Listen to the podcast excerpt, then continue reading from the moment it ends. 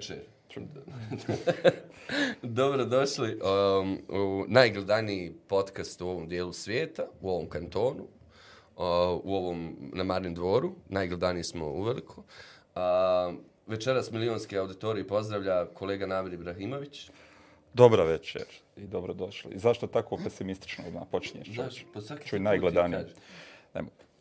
Dobra večer, kolega Nedin Krajšik najpesimističniji voditelj sjeda obrazovanja. Nije tačno. Ja, na Marin Ja, u rječniku pored optimističan stoji moja slika. Rječnik nema slika. ovaj moje ima, nemaš ti te moje slikovne rječnike. Um, šta da vam kažemo, ovaj, na Patreonu i dalje to slabo ide. Niko nam ne donira ništa. Nadam se da će poslije ove ovaj, epizode barem biti još deset imate dole kategoriju kad kliknete, uđete na patreon.com, vjerujem, i da nas podržite. Ima dole jedna opcija sa 50 eura da nas podržite. A, evo vam neki od prednosti. Dakle, ukoliko uplatite 50 eura za ovaj podcast, možete ga ukinuti promijeniti voditelje, promijeniti temu, tematiku, dakle, slobodno. Evo, Alimca i Azra su najavile da će platiti po 50 eura da ukinu besjede. No, um, sa nama, dragi gošće, i to ne iz Bosne i Hercegovine, ovo je internacionalno, ozbiljna smo kuća. Um, ajde da krenemo, dragih prijateljica, um, Gabriela Žokalj, dobro nam došla. Dobro večer, dobro, još bolje vas našla. Nadam se da vam je lijepo u Sarajevu. Predivno.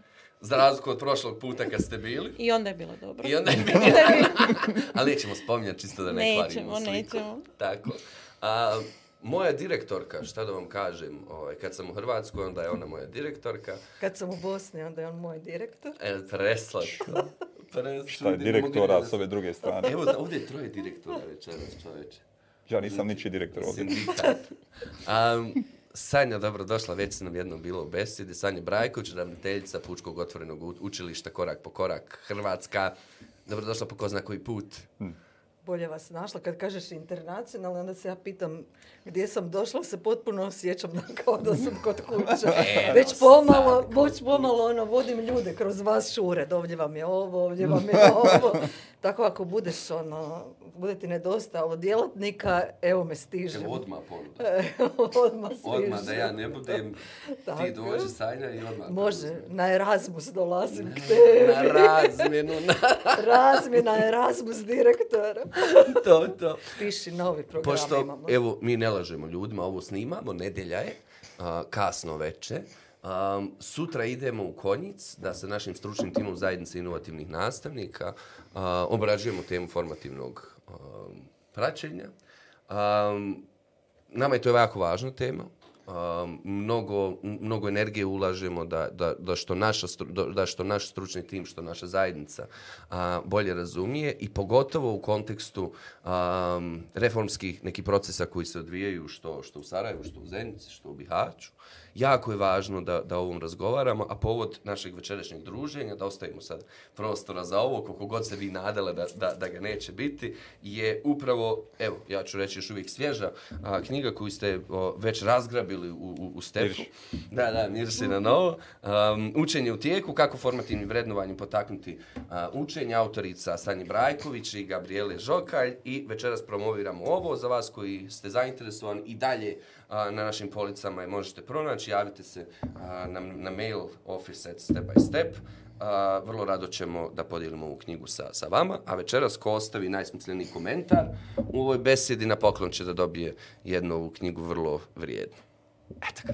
Jel to dosta za uvod? Kako? Večeras u srijedu. Ja, večeras u srijedu. Ko ostavi komentar? Ko ostavi komentar u srijedu, pa pričitat ćeš komentare valjda. Zašto? Dobro, dobro večer. Šta je formativno praćenje? Pa I za ocjenu odmah. Jel se Naravno, zato što vi govorite o formativnom praćenju, mi ćemo to da ocijenimo. Dečki, dok sam slušala ovu najavu i ti si rekao ko, stavi najsmisleniji komentar, ja sam se mislila, kako će oni znati da je to najsmislenije? Pa nemojte nam ulaziti. Pa dogovorimo se. Nam, I da li smo sad završili ovu epizodu? Vrlo subjektivno, kao što to i naše nastavnici rade. Da. Sviđaš mi se pet. I što će misliti, tu je sad ključno pitanje, što će misliti svi oni koji ne budu dobili knjigu i kako će se osjećati? Pa vjerovatno loše, kao i mnoga djeca. I to je onda odgovor na Ali mi pružamo u jedno iskustvo potpuno. Znate, mi to radimo na jedan morbidan način, ali radimo ipak. Tako je, da osjetiš prvo na sebi ovo loše iskustvo, onda da osjetiš. Ne, ne, nego da svi drugi osjete loše iskustvo. mi smo samo tu koji dajemo ocjene. Za razliku od nastavnika. Mi smo samo tu da kažemo ko je ostavio najsmisleniji komentar. Tako je. Ja tu nisam ništa kriva. Otprilike se tako nekad mhm. ponašamo i u obrazovanju i kažemo meni je jako žao a zašto tako benigno ponekad? Ja mislim da, da, da, obrazovanje ne bi imalo smisla da nema. A da nema ocjenjivanja. Tako. Pa znaš velika polemika, mislim, oko toga. Ovaj, nije možda stvar ono i u ocjenjivanju, nego je stvarno stvar u tome čemu obrazovanje na neki način mm. služi.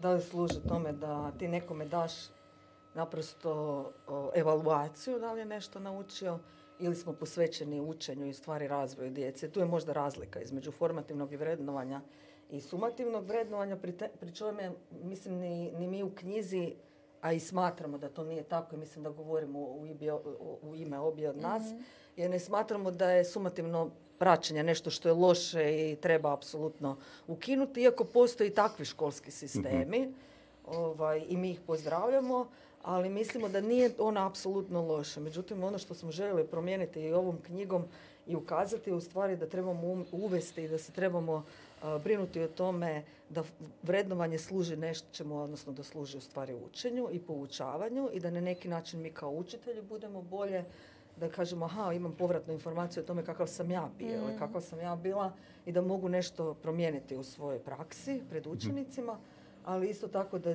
djeci damo alat kako da oni vladaju vlastitim učenjem u stvari i razvojem. I tu je onda razlika između formativnog i, i sumativnog mhm. vrednovanja. Sumativno vrednovanje obično dolazi na kraju. Kada bi to recimo usporedili sa time kako djeca ovaj, uče hodati, onda kada bi ga sumativno vrednovali, onda bi svaki dan lijepo sjeli, dijete puže i mi kažemo ni danas nisi prohodao. Sramota. Sramota. Ja, ja to svom kažem. Da ni danas nisi prohodao. i onda dođe dan dan i kaže danas si prohodao. Ili tvoj je prijatelj prije pohoda od tebe ili ti si prohodao prije od Eva s petog prije prohodala. Međutim, ovaj, ako formativno pratimo djecu, ali to stvarno radimo svaki dan i mi znamo da to ima smisla, mi u stvari djetetu damo malo prst, pa se ono, mhm. ili puže, zovemo ga da puže, bacimo lopticu i slično, igramo se s djetetom, ono razvija svoju motoriku, onda damo prst, pa se dijete ustane uz naš prst, pa se ono samo penje, a mi se veselimo, to ima i neku emocionalnu mhm. komponentu i dijete osjeća, kako da kažem, i neko, i neko uzbuđenje, jel' ali na neki način i ono sebi stvara skele kako ću ja u stvari ustati i kako ću prohodati. I to se isto odvija i u svakodnevnom životu tijekom učenja i tako bi to trebalo biti u školi. Na kraju dijete će znati da hoda i ono dijete koje uči će znati da je nešto naučilo i doći će do da ocjene, ne moramo se bojati, i ništa nećemo ovaj, ukidati za sada. Tako da, evo, htjeli smo na to ukazati. I to mislimo da je formativno vrednovanje, na neki način usmjerenost na učenje. Ja bih dodala jednu stvar, da možda nekako ja kao učiteljica sam, nisam drugčije razmišljala, ali sam razmišljala i o drugim stvarima nekim, znači kako razmišljamo o školi, što je škola, mjesto da dobijemo ocjenu, tako nekako i u društvu pojam škole, znači roditelji idu za tim da djeca dobiju što bolju ocjenu, djeca dođu u školu. Mi je strašno kao učiteljici bilo, to sam uvijek sa Sanjom raspravljala, kada prvašići dođu i sad pričate o tome što, će, što očekuju da će se dešavati u školi, što očekuju od škole, što će tu biti, što će naučiti. Uh, hoćemo proći s pet. To je, to je bila od, rečenica od koje sam se ja smrzavala, da djeca sa šest, sedam godina razmišljaju o tome što će proći s pet, a u stvari ne znaju što to znači. I tako da eto nekako formativno praćenje možda mijenja e, i kod djece, trebalo bi kod učitelja, najviše kod djeca i kod roditelja u stvari mijenjati e, pojam o tome što je u stvari škola, čemu služi škola. Znači škola nije zato da mi dobijemo ocjenu, nego škola je mjesto gdje, gdje učimo, gdje napredujemo i gdje rastemo svi skupa. To polako počinje, izvini, to, polako počinje, da, da, ja pokušam biti artikulisan svi mi znamo da, da ima nešto vrlo vrijedno u tom procesu učenja, u spoznaji, u, oslobađanju sebe, razumijevanju svijeta oko sebe i tako dalje.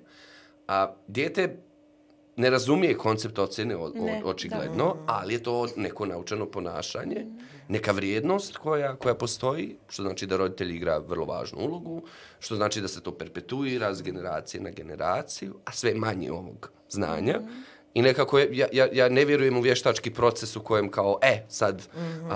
kao mi smo tu zbog znanja ne zbog ocjene dok paralelno to dođe kao dupli standard ili laž djetetu sistem vrednuje tu ocjenu sistem koristi tu ocjenu za mobilnost mhm.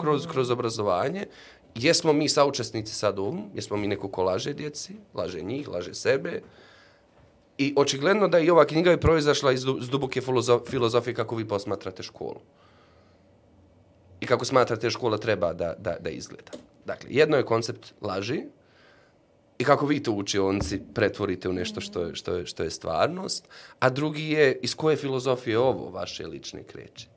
Evo, možda za, za, za vas, Gabriela. Uh, iz moje osobne, pa znači ja sam i prije nego sam u stvari znala da postoji formativno praćenje kao takvo.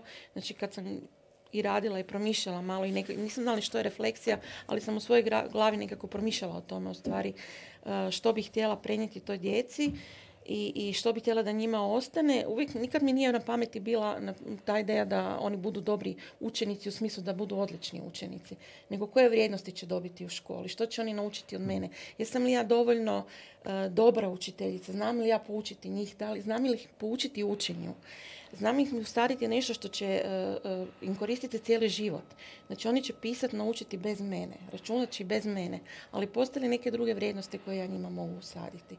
To je nekako bilo, evo, neka moja davna razmišljenja. Ovaj, naravno da evo, zahvaljujući sanji i trenizima koje smo prošle i na kraju i svim ovim iskustvima sa drugim učiteljima, u stvari sam samo nadograđivala e, ta neka svoja mhm. razmišljanja. Mhm. Koliko je u školama u Hrvatskoj prisutno formativno praćenje?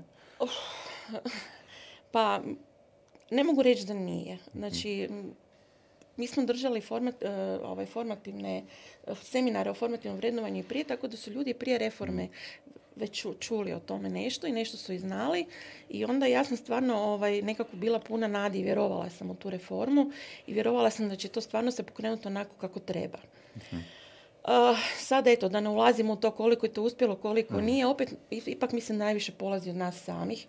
Možemo mi davati ljudima edukaciju to sve, ali opet mm. kolika je spremnost svakog čovjeka na to da mijenja sam sebe, bez obzira na kvalitetu ili nekvalitetu edukacija, pristup eh, eh, ovim e, literaturi ili nečemu, znači ipak najviše ovisi o tome. Tako da mislim da kod učitelja koji su stvarno htjeli e, promjene i koji su vidjeli benefit od formativnog vrednovanja je to krenulo. Hmm. A kod onih koji nije, to ne znam, mislim da tu najviše ovisi o nama samima. Ono što je lijepo Sanja uvijek kaže, promjena se dešava u nama, u nama i u našim učionicama.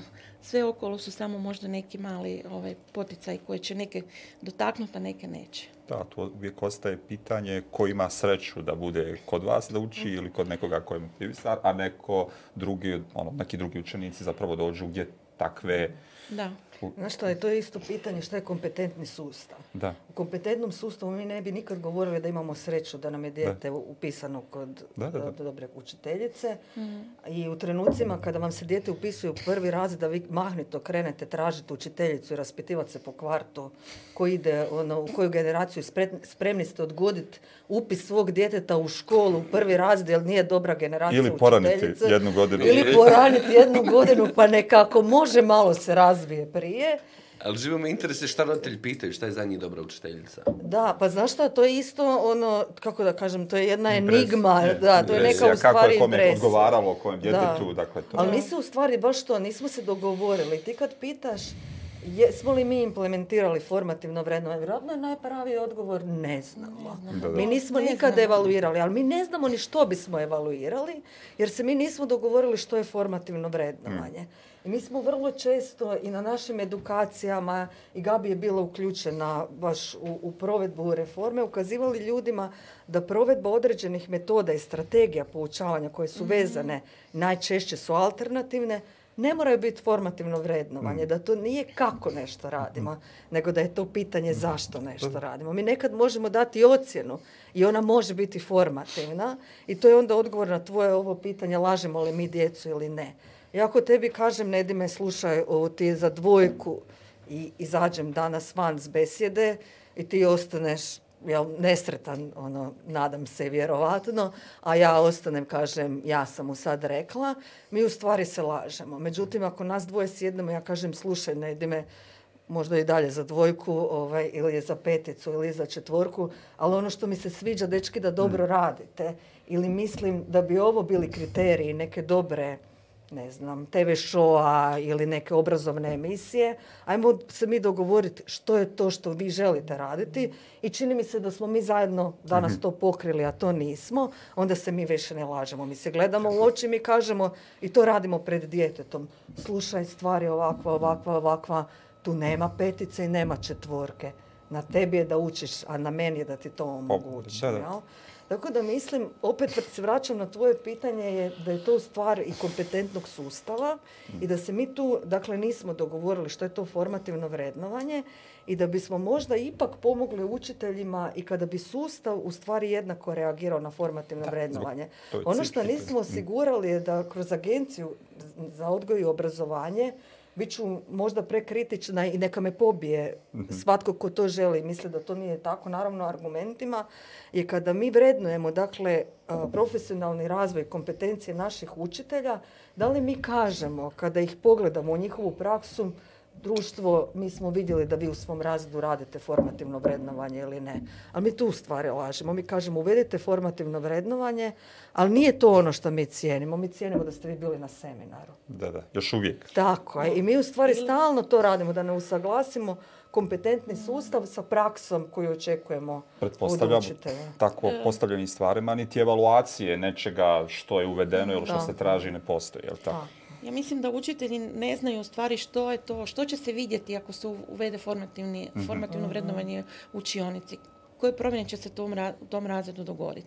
I mislim da je to ono što u stvari nije, nije učiteljima objašnjeno i što učitelji možda ne razumiju dovoljno i onda im tako dali, dali smo im neke alate, ne znam, rubrike, čekliste i nešto. I sad su oni to odradili sa djecom svaki dan ili nije važno koliko često i uveli su formativno vrednovanje. A promjene u stvari u razredu se nisu dogodile. Da, da. Da. Imam neko, ono, barem moja neka priča, držala sam tako neko predavanje i ono kao sat vremena pričam i to je neka tema koja mene jako zanima i mislim da sam i strasna oko nje i tako ja, kod nas su jako popularne exit kartice kao jedna od mhm. metoda. Znači, ono, ako ne radiš exit kartice kao nisi, ne. Ali sad su neke druge teme, već su i exit kartice stare ja čitavo predavanje čemu to služi, što pokazuje istraživanje i tako, i uđem u zbornicu i tu me ono, prati jedan učitelj i kaže, oprostite, samo jedno pitanje da vas pitam. Kaže mi, izvolite, koliko puta tjedno treba exit kartica da, da, Ja se mislim, Sanja, preloše predavanje. Znači, na bazično nismo odgovorili. Nije pitanje koliko puta, ne mora niti jednom. Pitanje je u stvari zašto to radiš. Da li onime što činiš ti omogućavaš u djeci da uče. I da li se vidi napredak čak i ono, dakle, provjerava se ono o čemu ste govorili, sama praksa. Evo imali smo iskustvo iz škole, dakle postoje prakse, nastavnici koriste, imamo taj nesistemsko mm. prisustvo, nismo se dogovorili šta jeste formativno praćenje, no radeći u koraku sve ove godine učestvujući edukacijama, koliko ono si primijetila je li se povećava broj nastavnika koji razumiju ili razumiju potpuno, razumiju više i koriste u praksi sve ove stvari koje se tiču i samog vrednovanja i formativnog praćenja i, i Jesu li mijenjali nastavnici prak? Je li to bilo vidljivo kroz, kroz susrete sa nastavnicima? Gle, pitaš nekog ko radi u koraku skoro 20 zato godina. Kažem, zato to Znači, krećemo od vremena dinosaurusa. Idealno. da. I dakle, vremena dinosaurusa do sada, da. Zaista se promijenilo, jel? Došli su čak i novi ljudi. Došli su i novi ljudi. Ja bi se složila s mm. Gabi. Ja mislim mm. da da. E, čak se e, i naše razumijevanje u koraku i mi se puno mijenjamo. Mhm. I puno smo se promijenili. I vi ako uzmete, recimo, to su se tad zvali kurikulum, a iz naše perspektive današnje, taj priručnik nikad ne bi bio kurikulum, nego priručnik za, za učitelja. Mi smo ga zvali kurikulum, tamo nije bilo ishoda.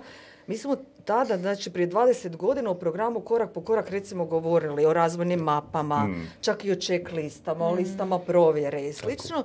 I sve su to bile neke metode koje su doista ličile i jesu bile i sada su dio elementi da, Znači i tada su počeli učitelji nešto koristiti kako je vrijeme teklo, mi moramo reći da mi imamo, bez obzira na sve kritike ono, eh, koje često upućujemo, da mi imamo neke reformske, kako da kažem, poduhvate ili ono, neke ideje koje doista uvijek idu prema pristupu usmjerenom na dijete. Međutim, ono što mi čini nam se nekako eto u ovoj regiji ne radimo, mi ne zakopamo dovoljno dugo, mm. ne ustrajemo dovoljno dugo na tim reformskim promjenama. Međutim, učitelji su dakle po nama počeli koristiti recimo više metoda, poznaju te metode, čuli su za njih, one im nisu ništa novo, ali nešto što je nama možda bila, čini mi se, najosnovnija motivacija za pisanje ove knjige, mi smo rekli, ali metode nisu dovoljne. Ajmo se mi mhm. vratiti čemu mi to čemu mi to radimo. Što je znanstvena podloga tome da možda mi to trebamo napustiti, možda to uopće ništa ne vrijedi. Možda su ocjene puno bolje sredstvo. Ajmo mi sad malo to vidjeti zašto mi u stvari to radimo. Ne zato što je to reformska ideja novog ministra, ministrice ili ne znam, neke nove vlade. Postoji tu znanstveno utemeljenje od e, toga. Tako da mislim da ipak, ipak da i sada mi se čini da ipak više ljudi to radi i sa, e, s razumijevanjem mi bismo voljeli i meni se čini da bi to trebalo biti sistemski, da dakle kada uđeš u bilo koji razred, mi imamo razred usmjerene na dijete, to mislim da još mhm, uvijek nemamo, ali promjene mislim da, da uočavamo. Pa da, da. Da, Što je dobro? To je dobro. To je dobro. I to je, mislim, da isto ne trebamo zaboraviti. Mi nekad, zato što, možda i mi zato što radimo u nevladinom sektoru, i to jest naša funkcija da kritiziramo kada treba kritizirati, ali treba se nekad osvrnuti i reći ok ljudi, mi smo krenuli od nečega što smo zvali razvojne mape za djecu, ali tamo smo stavljali testove učenja, a mi znamo da su testove učenja sumativno sredstvo, pa baš to i nije razvojna mapa, ali ako to želimo naprijediti, onda mm. bismo mogli to. Je, to je ok, imamo svoj korak dalje i u tom smislu mislim da ako kažemo mi želimo uvesti formativno vrednovanje, to isto trebamo raditi i sa profesionalcima. I tako trebamo podržati učitelje. mm Ne im reći vi ste dobri, loši učitelji. Mi vam rekli da vi primijenite nešto, a vi to niste radili. Ili eto krećemo dalje jer vidimo da ovo baš niste pa ćemo vam sad dati neki drugi termin. Ono. Mhm. Ajde sad radite malo integrirano poučavanje. Nego isto tako formativno. Da, mi smo to i prije radili. Na kraju krajeva formativno vrednovanje je krajem 60-ih godina mm. prošlog stoljeća prvi put se spominje kao termin. I ljudi s pravom kažu ja to znam. Da, mi to znamo, a sada radimo na jednom, kako da kažem, razumijevanju koje je možda punije, koje je obogačenije, koje je potkrepljeno sa puno istraživanja koje su nam sad na dohvat ruke. To mi u stvari radimo. Mi ne mijenjamo praksu da, ona potpuno bude drugačija, mi ju naprijeđujemo. Da, ali sa primjenom formativnog praćenja zapravo Samo praksa se... Praksa se mora se mijenjati. Praksa se mora mijenjati. Je li isključuje? Hmm? Je li isključuje formativno neki, neki vid prakse koji, koji imamo do sada? Je li isključuje jedno drugo ili može jedno s drugim? Ja mislim da isključuje neke. Ja isto da, mislim da. Ono, ono što sam, ja mogu o sebi pričati kao učiteljici, znači nekako meni je formativno vrednovanje dalo to da sam ja u stvari očela da sva područja moga rada su e, e, narasla provođenjem formativnog. Znači ja moram planirati onda različite strategije, ja moram paziti, gledati kakve su mi interakcije u razredu, ja moram pa, gledati da mi je inkluzija prisutna u razredu, ja moram pojačati suradnju s roditeljima, želim da oni razumiju mhm. što mi u stvari radimo i na koji način radimo. Znači sva ta neka područja, naravno moje profesionalno ovaj, isto tako, e, sve, sve nekakva ta područja koja ovaj, postoje, koja su važna, koja te kompetencije koje su važne u našem poslu, u stvari rastu uvođenjem formativnog vrednovanja. Čim ja promišljam, refleksija recimo. E, ja sam vodila dosta godina ovaj, zajednicu u našoj školi i čak tri godine smo se bavile formativnim praćenjem i u stvari smo se kroz to naučila i, i raditi refleksiju na našu praksu. Znači čak i to potaknulo mm. u stvari e, e, dakle, refleksiju. Da vlastito formativno praćenje to što Da, je, da. Ono, baš je ono, radili smo prije, ne znam, i strategiji to. Jesmo mi radile refleksiju, ali nekako nas je formativno praćenje baš diglo na nekakvu drugu razinu. Mi u ovoj knjizi ima jedno poglavlje koje je ono skoro dodano na kraju, a meni nešto postalo jako drago tako da oni koji budu čitali od početka tek na kraju će doći ovaj na njega.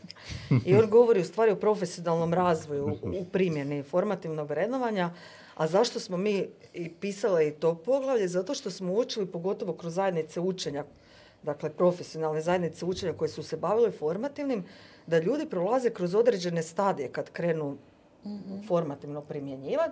Najčešće prvo to budu metode. Ja kao super metoda, pa sam nešto otkrila o djeci. Jel? Međutim, ono što se često dogodi, i onda smo i mi koji smo edukatori o tome počeli razmišljati, e, možda najbolje objašnjava jedna sličica nečega što se nama dogodilo.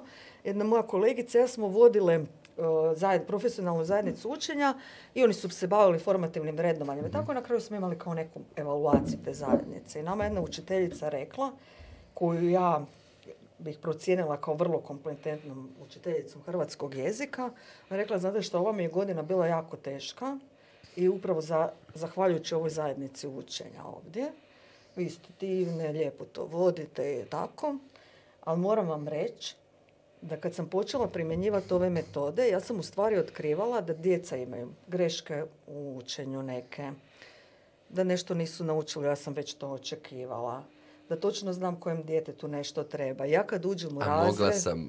A mogla sam.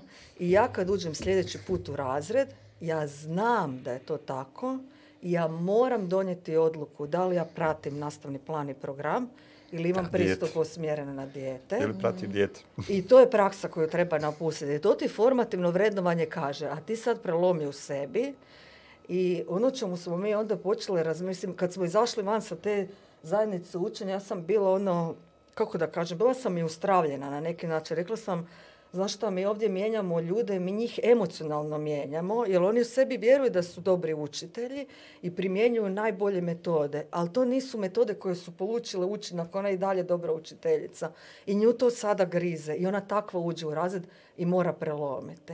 I mi njima trebamo reći, prijelom je takav da je to pristup usmjeren na dijete, a ne plan i program. I onda je tu razlika između znači sistema koji imaju plan i program mhm. i kurikularnog pristupa. I zato formativno vrednovanje odgovara kurikularnom pristupu jer ono odgovara ishodima učenja, a ne nacionalnom planu i programu gdje se ti baviš sadržajem. Jer to je, znači ti radiš formativno, e, kažeš nije ono, šta vrednujemo, čemu idemo, je zapisano u kurikulumu. Dakle, tako, što je postavljeno, bez obzira koje sadržaje će neko koristiti da, da bi došao da bi radio. Tako da je to, da je to razumljivo jasno. E sad, e, Evo, rekli ste šta vas je, jesam te prekinuo, si nešto Nisi, nego volio bi samo kasnije da se vratimo. oni olako izgovaraju profesionalne zajednice za učenje, a to nije super poznat koncept u, Bosni i Hercegovini. Mhm. Mi smo to uspostavili u, desetine škola, ali nije koncept koji, živi tako baš a mhm. sjajan je, tu i vrlo slično iskustva imamo, vi to mnogo duže radite, ali školom kojem imamo i dalje profesionalne zajednice za učenje koje djeluju sad i bez nas, su, jasno se vidi razlika, mm-hmm. a mhm. pogotovo u kontekstu nekog vlastitog napretka, unapređenja vlastite prakse i tako dalje. Pa volio negdje u toku razgovora samo da se vratimo na, na taj koncept. Uh, ja bih do knjigu da se vratimo, okay. pa ćemo onda poslije na zadnje sanjeno. Ja na zadnje sanjeno knjigu. Šta je nakon ću uzeti ljudi knjigu odmah? Evo, evo, pa 104 naružbe već, moram uzeti pa još. Da, pa da pročitaju. A, dakle, evo, govorili ste o tome šta vas je motiviralo da pišete knjigu, zašto je to bilo važno, tijelo planiralo se da bude brošura, ne da bude knjiga, li tako? mm Dakle, to je bilo jedno. Ali ono što mene zanima je da razmišljate o tome, uh, koja je zapravo pod navodnicima idealna publika, koji profil ljudi koji rade unutar obrazovanja. Da li je to neko koji je već probao mhm. nešto od metoda koje bi odgovaralo ovome, da li je to neko ko nikada do sada nije imao priliku osim pojma pa nije ništa premijenio pa da uzme knjigu ili profesionalci koji već imaju fino iskustvo i ovo im je knjiga koja će im pomoći da dodatno, dodatno se Koji će im reći da su na pravom putu. da. Gabi u kontaktu s učiteljima možda da, više Da, pa ja evo mogu, mogu stvarno reći da od kad je knjiga izašla sve kolegice, mislim, s kojima sam se i dobra i, koje mhm. poznajem samo ovako površnije, e, su jako u stvari e, neću, zadovoljni knjige, mhm. vole knjigu. E, prvo ono što su rekla, jako je čitljiva. Znači, to je ovaj, eto nekako učiteljima bitno da je to čitljivo, lako čitljivo i čak i mladi učitelji koji su tek krenuli rekli su ovo na fakultetu nismo mhm. dobili. Ehm, evo ja sam recimo imam kolegicu koja radi na fakultetu, rekla da će svakako preporučiti studentima, tako da mislim da je i za studente bez obzira što nemaju mhm. ovaj, neka iskustva. Svakako je za učiteljice koje imaju iskustvo, ali najviše za ljude koji se hoće mijenjati, koji mhm. stvarno žele ovaj, raditi, jer mislim, da, to je, to je, to je, mislim, temelj neki koji... Ovaj... A moguće da ti oni koji se ne žele mijenjati, ovaj, vi ćete objaviti naše mailove i mi smo spremni za pitanja i, ovaj, i na jednu diskusiju i stvaranje zajednice koja uči. Tako da slobodna, jel? Odlično. Ne, stalo, stalo, uvijek se vratimo na, na, na taj koncept koliko smo mi voljni da, da, da, da budemo vrlo kritični. A da li mi imamo pravo reći da nismo voljni? Da li netko pa, znaš, ko svašta me razuvjeri. Evo, Svašta me razuvjeri. Razuvjeri me to da, da, evo, mi imamo neke podatke da gotovo 60% nastavničke nastavnika u BiH nije pristovalo danu stručnog usavršavanja posljednjih 15 godina. Mhm. Dakle, jedan jedno je da te sistem ne tjera, dakle nemaš obavezu u nekim kantonima, dakle ne postoji obaveza takva, osim oni neki formi koje govorimo o školskom mhm. nivou, pa ti šalješ neke seminarske direktoru ili šta već, pa se to broji kao usavršavanje. Nađeš neći negdje ti, i staviš svoj ime. Ali što... ti niko i ne zabranjuje. Mhm. Tako da me to razuvjeri u, ili, Ili ono drugo da to i stručno usavršavanje zapravo smjurija. Mhm. Dakle, neko dođe, mhm. ispriča što ima, ovi nastavnici dobiju potvrdu, vrate se s tom potvrdom i to se računa da su imali stručno usavršavanje. I taj vrlo rigidan sistem u kojem ti odbijaš bilo kakav vid um, kritičkog osvrta na vlastitu praksu, mhm. da li, strani, da li interno, da li neko eksterno. sve mi to ide u, u, u tom smislu da neka logika, da zaključim da, da dobar dio nastavnika ne želi da se mijenja. Mhm. Dok vrlo jasno vidimo i ove koji... I čak je ono što... To, to, je moguće da se ne mijenja. I čak nije više, nije više ni pitanje da je moguće da se ne, ovaj, da ne mijenjaju svi drugi, nego zaista su uvjereni da to što oni rade i da sistem u kojem oni rade je dobar. Da sva mm. krivica ide na djecu koja su se odali ovim pošastima, monitorima i ostalom, da i roditelji ono ne tjeraju, njihovo je da ispredaju, na djeci je da uče, to što djeca nauče ima ocjena lijepa, dakle znaju se jasno kriteriji, lični, mm. subjektivni, šta sam ja kome rekao da će biti, upišem ocjenu i to je ono... No što ja razmišljam da možda mi trebamo promijeniti malo i riječnik koji koristimo, zato što se vrlo često u kontekstu učitelja daje riječnik oni se trebaju mijenjati i da li su oni spremni na mijenjanje. I možda to implicitno daje mhm. poruku da, da, da, oni rade krivo. Da, da, da. I da u stvari imaš taj jedan, kako da kažem, psihološki moment da čovjek mora mhm. ima otpor da bi mhm. sačuvao sebe.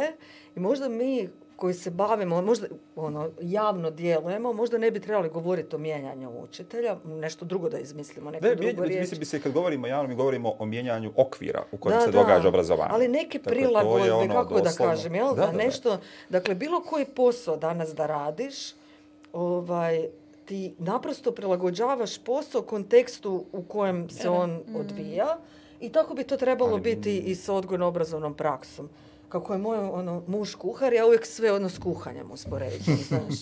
I sad ono, prije 20 godina nisi imao ove pjenice, ove, ne znam, kemijske procese, pa znaš, ona, to se nije se tako kuhalo. Ali evo, i kuhanje se prilagodilo. Prilagodilo se to što se smatra dobrom kuhinjom, jel? Pa zašto se ne bi prilagodilo i obrazovanje? Je, samo mislim da su, da su u međuvremenu štete neuporedive. Yes. Dakle, mi ovdje govorimo o, djetetu i, i, i, nekako vrlo često odbijam da... Evo, sve, godinama sam sve, sve, sve manje empatičan, ok, mhm. s jedne strane. Jer, jer sam, sam onog trenutka kad osvijestim da mi govorimo o djeci mhm. i evo sad posljednje podatke koje mi imamo za Bosnu i Hercegovinu su ali doista da se čovjek naježi. Mhm.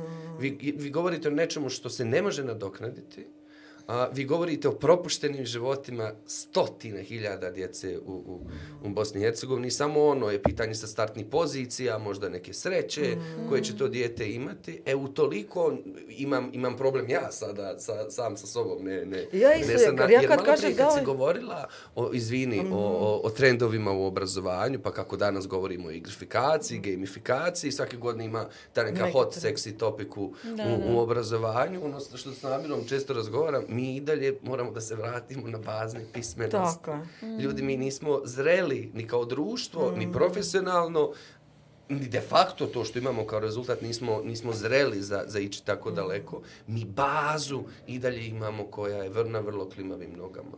I sve to u nekom kontekstu, evo, naj, najpesimističniji voditelj, plaši, nisam, raduju me ovi koji su u, zajednici, ti sjajni mm. učitelji koji, evo, kao i Gabriela, pokazuju i na vlastitom primjeru, ja ne znam kud više i na koji način, mm. kaže, jeste teško, evo, ja sam sama dio toga ili to učiteljicu koji, ti spominješ, sve moguće alate, modele smo iskoristili da mm. inspirišemo ljude, potaknemo ljude, eto.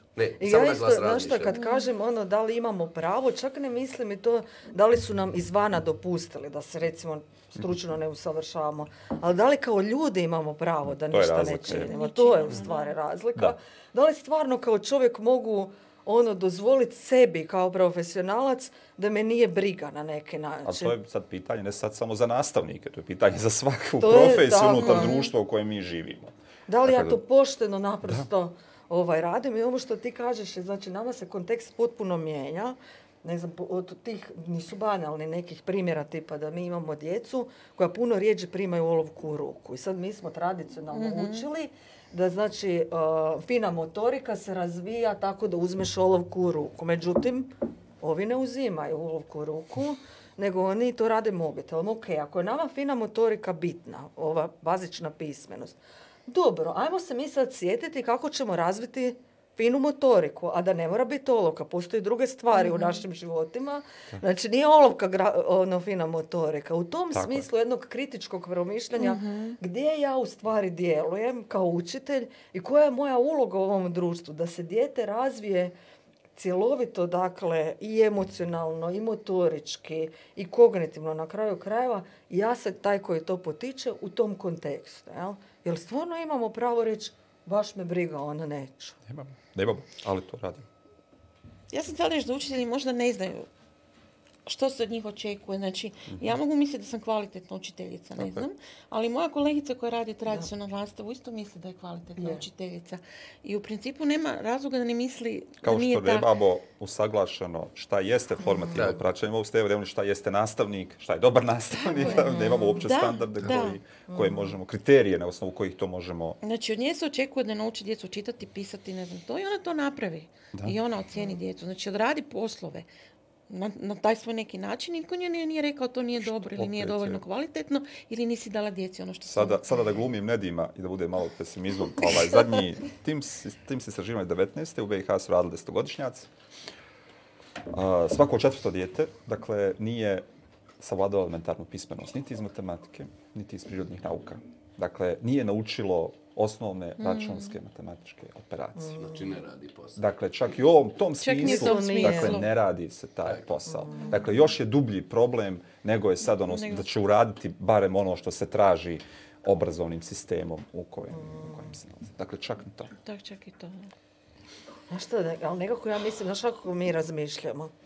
Ovaj, nije, djeca, djeca nisu usvojila, ali ja sam svoje naučila. Možda Nedim nije svoje. I kao ne zna se ko to nije naučio. Da, da, da, I tu nam onda fali tog u stvari kritičkog promišljenja. Mm. Ko su mm. ta djeca koja nisu naučila? Koje su te metode kojima nisu naučila Tako, bazične pismenosti? I onda da se, da se vratimo na to je tvoje pitanje šta su zajednice učenja. Jel? ovaj, i da te ne, zaboravimo. I to su ta neka mjesta... mjesta. sam ti bio dao četiri. Ovaj. Pa daj pet Ali sa mogućnošću. Da, da, da. imaj, smiley imaj. Da, barem, iz kratkoročnog pamćenja, molim te, to mi uzmi u obzir. Uh, znači, to je u stvari jedan, kako da kažem, format profesionalnog razvoja, možda to najtočnije rečeno, gdje uh, se učitelji sastaju najčešće redovito i na neki način raspravljaju o svojoj praksi. One se razlikuju zajednice učenja, iako u početku vrlo često jesu, ali one se razlikuju od e, čiste razmjene iskustava i razmjene metoda, jer su u zajednicama učenja ono što se favorizira da se postavljaju neka kritička pitanja. Jel?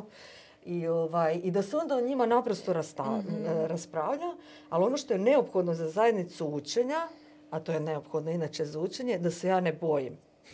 I to nama onda ljudi kaže, vi to sigurno prepoznajete, kad ljudi krenu u stvari u zajednicu učenja govoriti ono što nisu uspjeli i kažu ja to nisam uspjela i hoću da o tome raspravljamo i onda mi pričamo o elementima i slično. Postoje različiti formati zajednica učenja. Mi u Hrvatskoj koristimo ili sa pedagoške standarde od međunarodne udruge korak po korak tako radi i mm. Gabijina zajednica, ali koristimo jednu vanda metodu. Jel? Dakle, unutar zajednice učenja mogu se koristiti različite metode međusobnog učenja. To je nama neki format, neka metoda, ali ono što je bitno je da imamo kritičko promišljanje, da naprosto sjednemo malo, eto, pričamo kao što mi često pričamo i da kažemo ajmo sad malo ono u dubinu. Da riješimo problem. Da, riješimo problem, da nam bude ugodno, niko nikog ne procjenjuje, ali onda ove dvije učiteljice koje obje misle da rade dobro i imaju mm. pravo na to mišljenje, kažu o, ali mi mislimo različito. I mi mhm. u stvari radimo potpuno različito, ali onda se unutar zajednice učenja, mislim da je to isto jako bitno, je da ne smije ostati sve na nivou mišljenja. Tu mhm. mislim da smo u zadnje vrijeme zastranili. E, ovaj, mi, mi smo zastranili, mi stalno, kao, moje mišljenje i tu smo gotovi. Imam pravo na svoje mišljenje. Radio sam se, kao, rekao moje, sam da je moje mišljenje. šta, moje mišljenje, ja ti ostajem kod svog kod mišljenja. mišljenja. Da.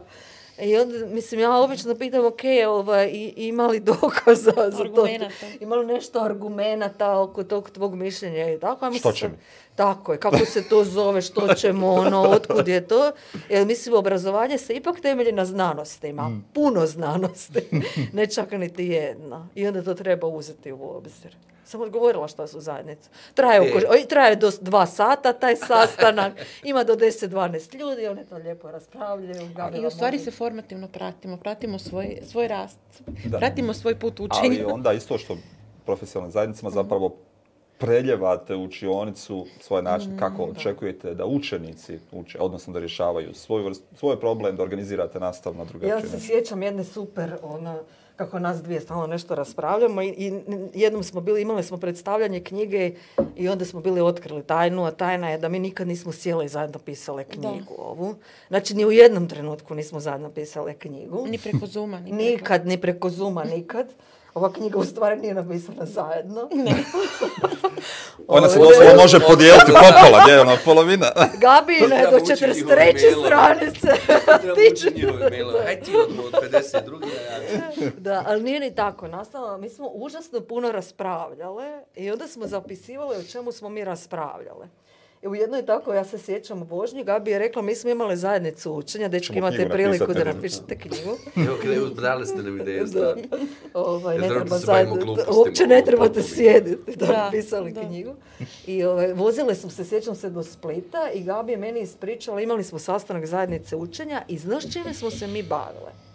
kao pa čime, kao imamo tu, pusti taj jedan indikator u našim standardima da učiteljice trebaju pružiti djeci priliku da se samo vrednuje, odnosno samo procjenjuju razrede. I ona kaže meni, ali znaš šta smo mi sad uočile? Da ako se dijete samo procjenjuje, da li ono stvarno i uči? Znači, ako sam ja znala pisat kad sam došla u razred najbanalnije, i ti mi kažeš, jel ti znaš pisat? I ja kažem, znam. Mhm. Je li to napredak u učenju ili nije? Samo sam se samo procijenila, ok. I tako, i te, krene naš put tako do Splita i nas dvije malo raspravljamo i tu ja njoj kažem, znaš šta, ovaj, postoji jedan koncept od Ferel Aversa i on, se, on govori o involvement, odnosno uključenosti. I on kaže, ako dijete, odrasla osoba, beba, ne uopće bitno koliko imaš godina, si uključen u učenje, a to znači da ti mozak radi, i imaš određenu razinu well-beinga, odnosno dobrobiti, dogodit će se učenje. Pa možda djecu to treba pitati. Znači da se i samo procijene, mhm. odnosno da se procijene na određenim elementima, ali da oni procijene radi li njima mozak u stvari. To im vrlo jednostavno možeš. I onda je Gabi, zato što su učiteljice uvijek kreativnije od nas koji s ove teoretske strane, smislila i određenu metodu. A ono što vam hoću reći je da je kritičko pitanje nastalo u praksi, mm i da je nastalo pitanje ima li ovo smisla i da li ovo što mi radimo ima smisla i kad ima smisla. Ono je spojeno u nekom autu sa ovim teoretskim aspektom. Mm. Ja sam pričala, ima jedan čovjek, on se zove tako i tako znanstvenik mm. i vratilo se u stvari u praksu. Mm. što ti zajednica Dobre. učenja. Ajde, pošto nemamo još puno vremena. Um, Rekli ste tri sata. Jesmo. Dva i pol su već prošla, jel? Platile su, platile su gospođe tri sata da. namre da ispoštujemo. Ovo druga plaćena beseda do sad. Jel mora stajati ono PP? PP plaćena beseda. PB plaćena beseda. A, kaže, četiri koraka vrednovanja za učenje. To je dominantni dio knjige. Mm-hmm. Kreće od razmine očekivanih rezultata i kriterija učenja sa učenicima, hoćemo li ovo blic, da ostavimo, čisto da zagolicamo maštu. Ko će nam u prvom koraku, nemojte sada, imamo nam ja i pitanja za... Aj ti prvi. ja ću drugi. Ok, prvi korak, razmjena očekivanih rezultata i kriterija učenja sa učenicima. Um, dakle, ono što moram reći prije sva četiri koraka je Vidiš? Znači, ja ne znam ovo, Što ono, Što sam pisala? Možemo li ovo sumativno odmah da riješim? Ma zašto ovako ću reći? To nije bio taj moj dio knjige. šalim se, šalim se. Dobro, odgovorit ću ti na pitanje. Ma ne, neću u stvari. Ono što sam ti htjela reći je zašto smo napisali ova četiri koraka. To je neki naš, naša konceptualizacija formativnog vrednovanja. Mi smo uočili da da se ponekad misli da je formativno vrednovanje naprosto događaj. A ono što smo željeli dati naglasak je postoje četiri koraka i da je to u stvari proces. Mi smo to opisali kroz četiri koraka i da ljudi u stvari uoče da li stvarno prolaze kroz ta četiri koraka, naravno na različite načine, vidjet će da ovaj četvrti se najčešće u stvari ispušta. Zašto su važni kriterije učenja ili ovaj, i ciljevi. Mislim, vrlo je jednostavno. Možete recimo na sebi ovaj, isprovati. Mi nekad učiteljima, na primjer, na, našoj edukaciji. Kažemo, ovo će biti sadržaj edukacije. Znači, e, sadržaj edukacije što je formativno vrednovanje, e, što su rubrike, ćete onda, ne znam šta, ček liste i tako, mhm. čak ni nije to. I onda im kažemo, ok, kako se osjećate kad vam kažemo što je sadržaj edukacije, a kako se osjećate kad bi vam rekli koji su ciljevi edukacije? A cilj edukacije je da znate razviti rubrike, da poznajete dvije vrste rubrika, Cilj edukacije da znate definirati format, što je formativno vrednovanje, koji je odnos formativnog, sumativnog i dijagnostičkog vrednovanja i da znate koje su zamke u poznavanju formativnog vrednovanja. Jel imate osjećaj da vas je to diglo na višu kognitivnu pa. razinu i onda mi počinjemo tu ovo čemu si ti govorio dijeliti odgovornosti. Ja znam da je moja odgovornost ne da ja pričam što je formativno vrednovanje, nego da ti razumiješ što je formativno vrednovanje i da ga znaš definirati u odnosu na druge vrste vrednovanja i tu smo mi podijelili odgovornost. I onda tu još se onda bavimo u tom prvom koraku time da djeci u napredu u stvari kažemo a kako ćeš ti znati što je formativno vrednovanje? Ja ti mogu reći pa znaš kad ti učiteljica neka bude davala ili učitelj primjer ti ćeš u stvari znat prepoznati što su elementi formativnog vrednovanja, a koji nisu ili značiš je postaviti pitanje.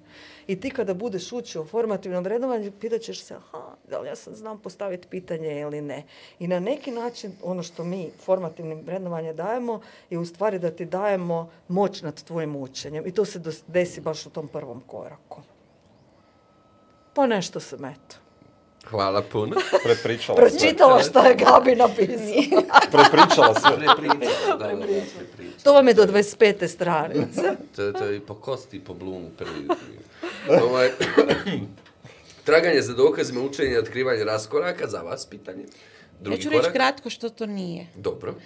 To nije ono kad ja stanem pred razred i pitam djecu jeste li razumjeli i onda onih 15 koji žele da mi se svide i koji su u prvim redovima klimnu da, onih drugih 15 koji da ih ne primijetim isto kažu da.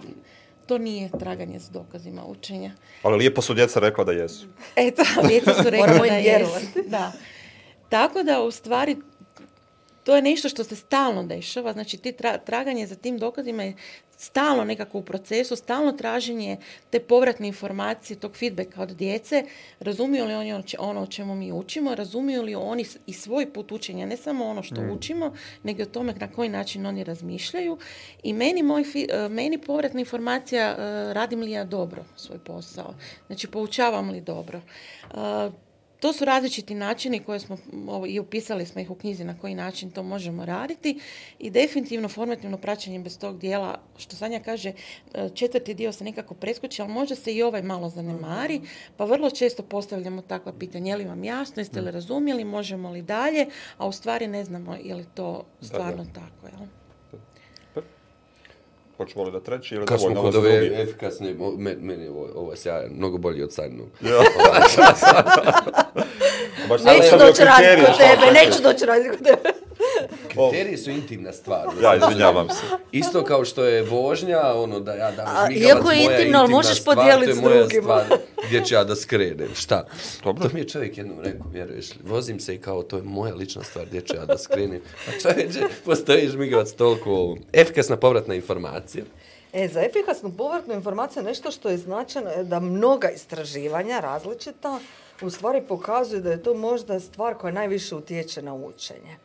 I ono što je efikasna povratna informacija, mi u knjizi razlikujemo različite, ali možda jedan koncept je da li je ona deskriptivna mhm. ili evaluacijska. Evaluacijska je ova kad ti kažem da beseda dečke ova me za tri, ali deskriptivna je kad u stvari koristim određene kriterije i kažem, ali mislim zašto, zašto sam to tako procijenila, i onda ne moram ni reći da li za tri, nego kažem u odnosu na kriterije, jer ono što smo zadovoljili danas je ovo, ovo, ovo, ono što bismo možda mogli sljedeći put. I ono što je bitno je da se to dogodi prije u stvari završetka, da tako kažem, učenja mhm. i da da tu priliku da unaprijedi svoje učenje. To je formativno vrednovanje, ono nikad nije na kraju i ono je dakle efikasno ako ti daje mogućnost da unaprijediš učenje. I zbog efikasne povratne informacije, jel da tu mogućnost, brojna istraživanja pokazuju da učitelji koji koriste efikasno, mislim čitavo formativno vrednovanje u svom razdu, djeca postižu bolje mhm. rezultate. Ali oni u stvari su stalno u tom procesu da unapređuju učenje. Da, baš htjela reći, to, to je neki krug koji u stvari nikad ne staje. On stalno se vrti, stalno okrećemo ta četiri koraka i stalno smo u nekom koraku u stvari. I to je ono što je Sanja rekla, nije to jedan događaj, jedan trenutak u razredu kad mm. smo napravili ispunili rubriku ili samo se procijenili, nego u stvari u čitavom danu koji ja provedem s djecom se stalno ta četiri koraka vrte u nekom trenutku. I svaki, svak stalno je neki korak, a možda i dva, tri. mm Istovremeno. I samo, ja moram se zaustaviti kod ovog trećeg koraka. Mislio smo spominjati zabluda i ranije, ali ova zabluda koja spominje u trećem koraku mi je važno da je spomenemo. Mhm. U knjizi ima više, u svakom od ovih dijelova se zabluda. Ovdje zabluda zapravo da je opisno ocjenjivanje jednako formativno mm. praćenje. Zašto nije? Pa zato što i opisno ocjenjivanje može biti evaluacijsko, može biti i mm. deskriptivno mhm. i mi ovaj, iz vremena opisnog ocjenjivanja, ja, ja sam jedna od tih generacija koja nije, recimo ja sam odrastala da nisam imala ocjene u prve četiri godine svog mhm. školovanja, ali kada bi se sad vratila s ovim znanjem unatrag, mislim da smo ipak imali evaluacijske, povratne mhm. informacije, da se s nama nije pričalo o tome što je to što sam ja u stvari postigla, a što nisam postigla. Uglavnom se, kako da kažem, deskriptivno opisivalo da sam vrlo dobra ili mhm. odlična, a to je i dalje u suštini evaluacija ili ocjena. ja, e htjela sam reći, znači ta, ta zabluda meni onako baš onako jako na srcu, jer ono što mislim da, da je greška u reformi bila, što kad smo krenuli sa time i onda smo učiteljima rekli, ali vi to u stvari radite. I onda su oni rekli, da, to je opisno to je ono što pišemo mhm. eh, opisno. sa strane, jel ne brojčano, i oni su rekli da. I u stvari učitelji ja mislim da onako veliki broj eh, učitelja u Hrvatskoj vjeruje da radi formativno praćenje čim upiše piše bilješku u imenik. To, to, to ne da je zabluda, to je za Budetina. ovdje u, u BiH su opisne ocjene velika tema i nekada prije nekoliko godina su zapravo učenici do trećeg razreda imali opisne ocjene. Kad kažemo ocjena, mi smo sve rekli. Opisna ocjena, dakle, smo pa I, praćenje. I doslovno, na kraju su, valjda i učitelji shvatili roditelji da to kako god da se prevede je ocjena. šta god da neko napisao. Dobro ovaj šta je to? I onda jeste, čemu odgovara ovo što ste vi napisali? I onda se opet sve svede. Dijete je uspješno savladalo, dijete je veoma uspješno savladalo, dijete je ono, fino savladalo uz dodatnu pomoć i tako dalje. Moja učiteljica je imala pečat, mi kažemo na škuvaceru, znači na smetlara i onda kad pečat sa smetlarom imao si sunce, čini mi se. Mhm. I ono kad stavi smetlara, mislim jasno ti je da je gotovo. Smeće jedno, gotovo.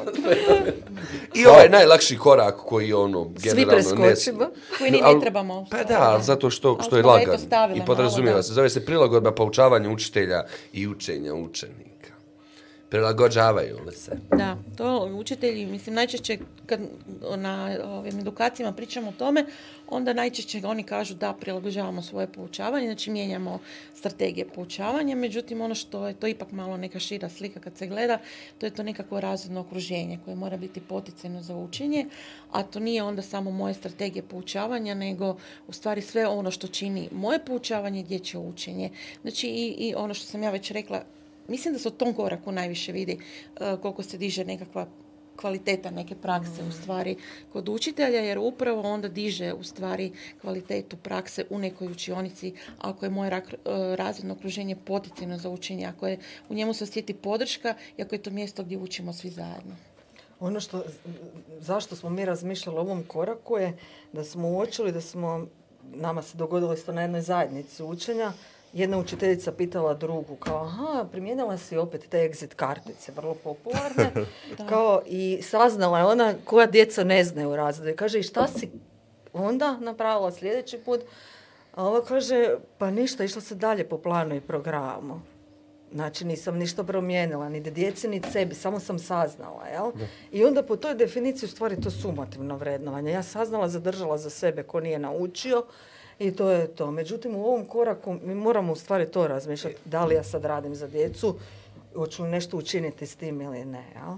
Ovo što je Gabi rekla je užasno ono, bitno i kada ste pitali da li se nešto mora napustiti, neka praksa, mora se napustiti, ja mislim, praksa hjerarhijske moći koju mi mm. imamo u razredu. Ja mm. nikada neću reći i ne vjerujem u to da učitelj ne treba imati moć. Mislim da on treba imati moć odrasle, zrele, profesionalne osobe u razredu i dijeliti moć učenja zajedno mm. ovaj, sa djecom. Ovaj, međutim, vi ne možete formativno vrednovanje u stvari primjenjivati u onim razredima u kojima postoje tako je, određena hijerarhija. Jer vi morate stalno davati poruku djetetu. Ja kad sam učila, otkrila da ti ne znaš, ja mm. sam sretna osoba, jel sad ti ja možemo raditi. Tačno znamo što treba da se U, odlično, sad ćemo mi na tome raditi. I vi kad pokažete sreću i veselje, zato što zajedno radite na učenju, to je formativno vrednovanje. Ali tu sad svašta ima, tu ima fakcijalna ekspresija. Aha, otkrila, ne znaš, gotovo je, nema više. Gdje mi onaj, ne, nema više onog dnevnika da se otvara, sad se traži računar. Opet, ne znaš, pa treći put i tako. Mislim, mali su tu signali, malo se mi tu i šalimo, ali sve to čini. To čini sve filozofiju, naš, našu uvjereno čini filozofiju poučavanja i u konačnici djeluju. da, i ovo što je Sanja rekla, mislim, ta moć, možda zato u razrednoj nastavi nekako to i prođe formativno. Jer nekako mi ipak mhm, drugačije doživljavamo tu djecu, nekako eto, radimo na drugačiji način, a u predmetnoj nastavi u srednjoj školi pogotovo. Eh, oni se neće odreći te moći, to je njima način na kojem vladaju djecu. djecom. je zapravo da. autoritet. O, tako je, ocjena je autoritet, da. Nažalost. Nažalost. Ali ako je to tako, onda smo mi izgubili autoritet. Da, apsolutno. Jel' tako? Vrlo jasno. Jer je ovdje, evo, u, Hrvatskoj postoje nekakve eksterne provjere znanja kod učenika, ma šta mi o njima misle, tako mhm. dalje. Ovdje ne, ovdje je zapravo ocjena jedina stvar koju učenik nosi sa jednog nivoa obrazovanja u drugi, pri čemu je ona ne subjektivna sama po sebi, nego doslovno svedena na svakog nastavnika pojedinačno, pri čemu on odlučuje ili ona da li će se riješiti bilo kakvog pritiska roditelja, sistema i dati pet za bilo šta. Mhm. Ili će ići drugom varijantom da će se po svaku cijenu, bez da objašnjavaju bilo kome, dakle držati mhm. toga da je to njihovo pravo, da ocijene koliko učenik znao ili mhm. nije znao. I nažalost, takva vrsta ocjenjivanja je upravo dovoljna Dakle, dijete vrlo brzo shvati da ono, ne može se boriti ili da može dobiti lako ocjenu i učenja u tom slučaju nema ni na koji način. Ali evo, zbog zli duša da ovaj, nismo došli da ukinemo ocjene. Ocjena ostaje i dalje i to je nešto što vi ne opovrgavate ovom, ovom ali čitav, čitav proces učenja čini smislenijim. Ta, sve ta povratna informacija koja nam je svima potrebna da bismo rasli je možda, evo, po mm. meni, u mišljenju, centralni dio ove knjige i ona je korisna i u ovakvom bosansko-hercegovačkom obrazovanju, ukoliko zaista želimo da, da, da učimo se djecom i da pomognemo onima kojima je možda pomoć o, i najpotrebnija i da pomognemo sami sebi kako bi se transformisali. On sad ja, šta sam mhm. naučio iz ove besede, da pomognemo sami sebi kao profesionalcima, da, da, da reflektujemo na dijelove naše prakse i ne, neminovno da će nas natjerati u različite aspekte na kojima moramo reflektirati, ne bismo postali bolji profesionalci.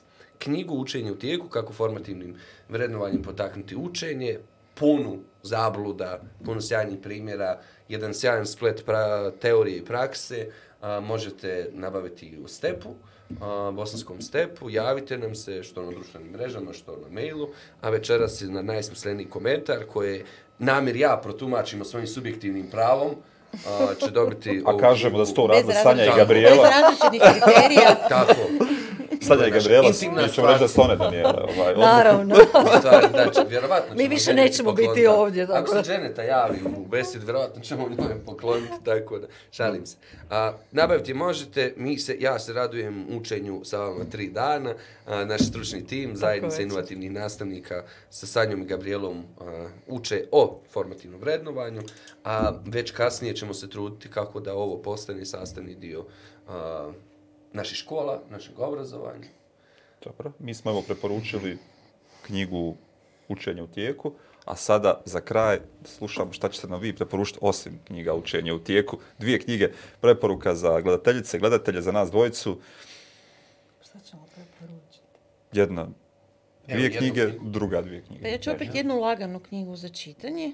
Može. Nije nova knjiga, knjiga je stara, E, priručnik za ljenog učitelja, ali mi je mhm. to onako jedna jako dobra knjiga da možda ljudi krenu s tim pa možda malo drugčije krenu razmišljati mm u mhm. stvari o poučavanju.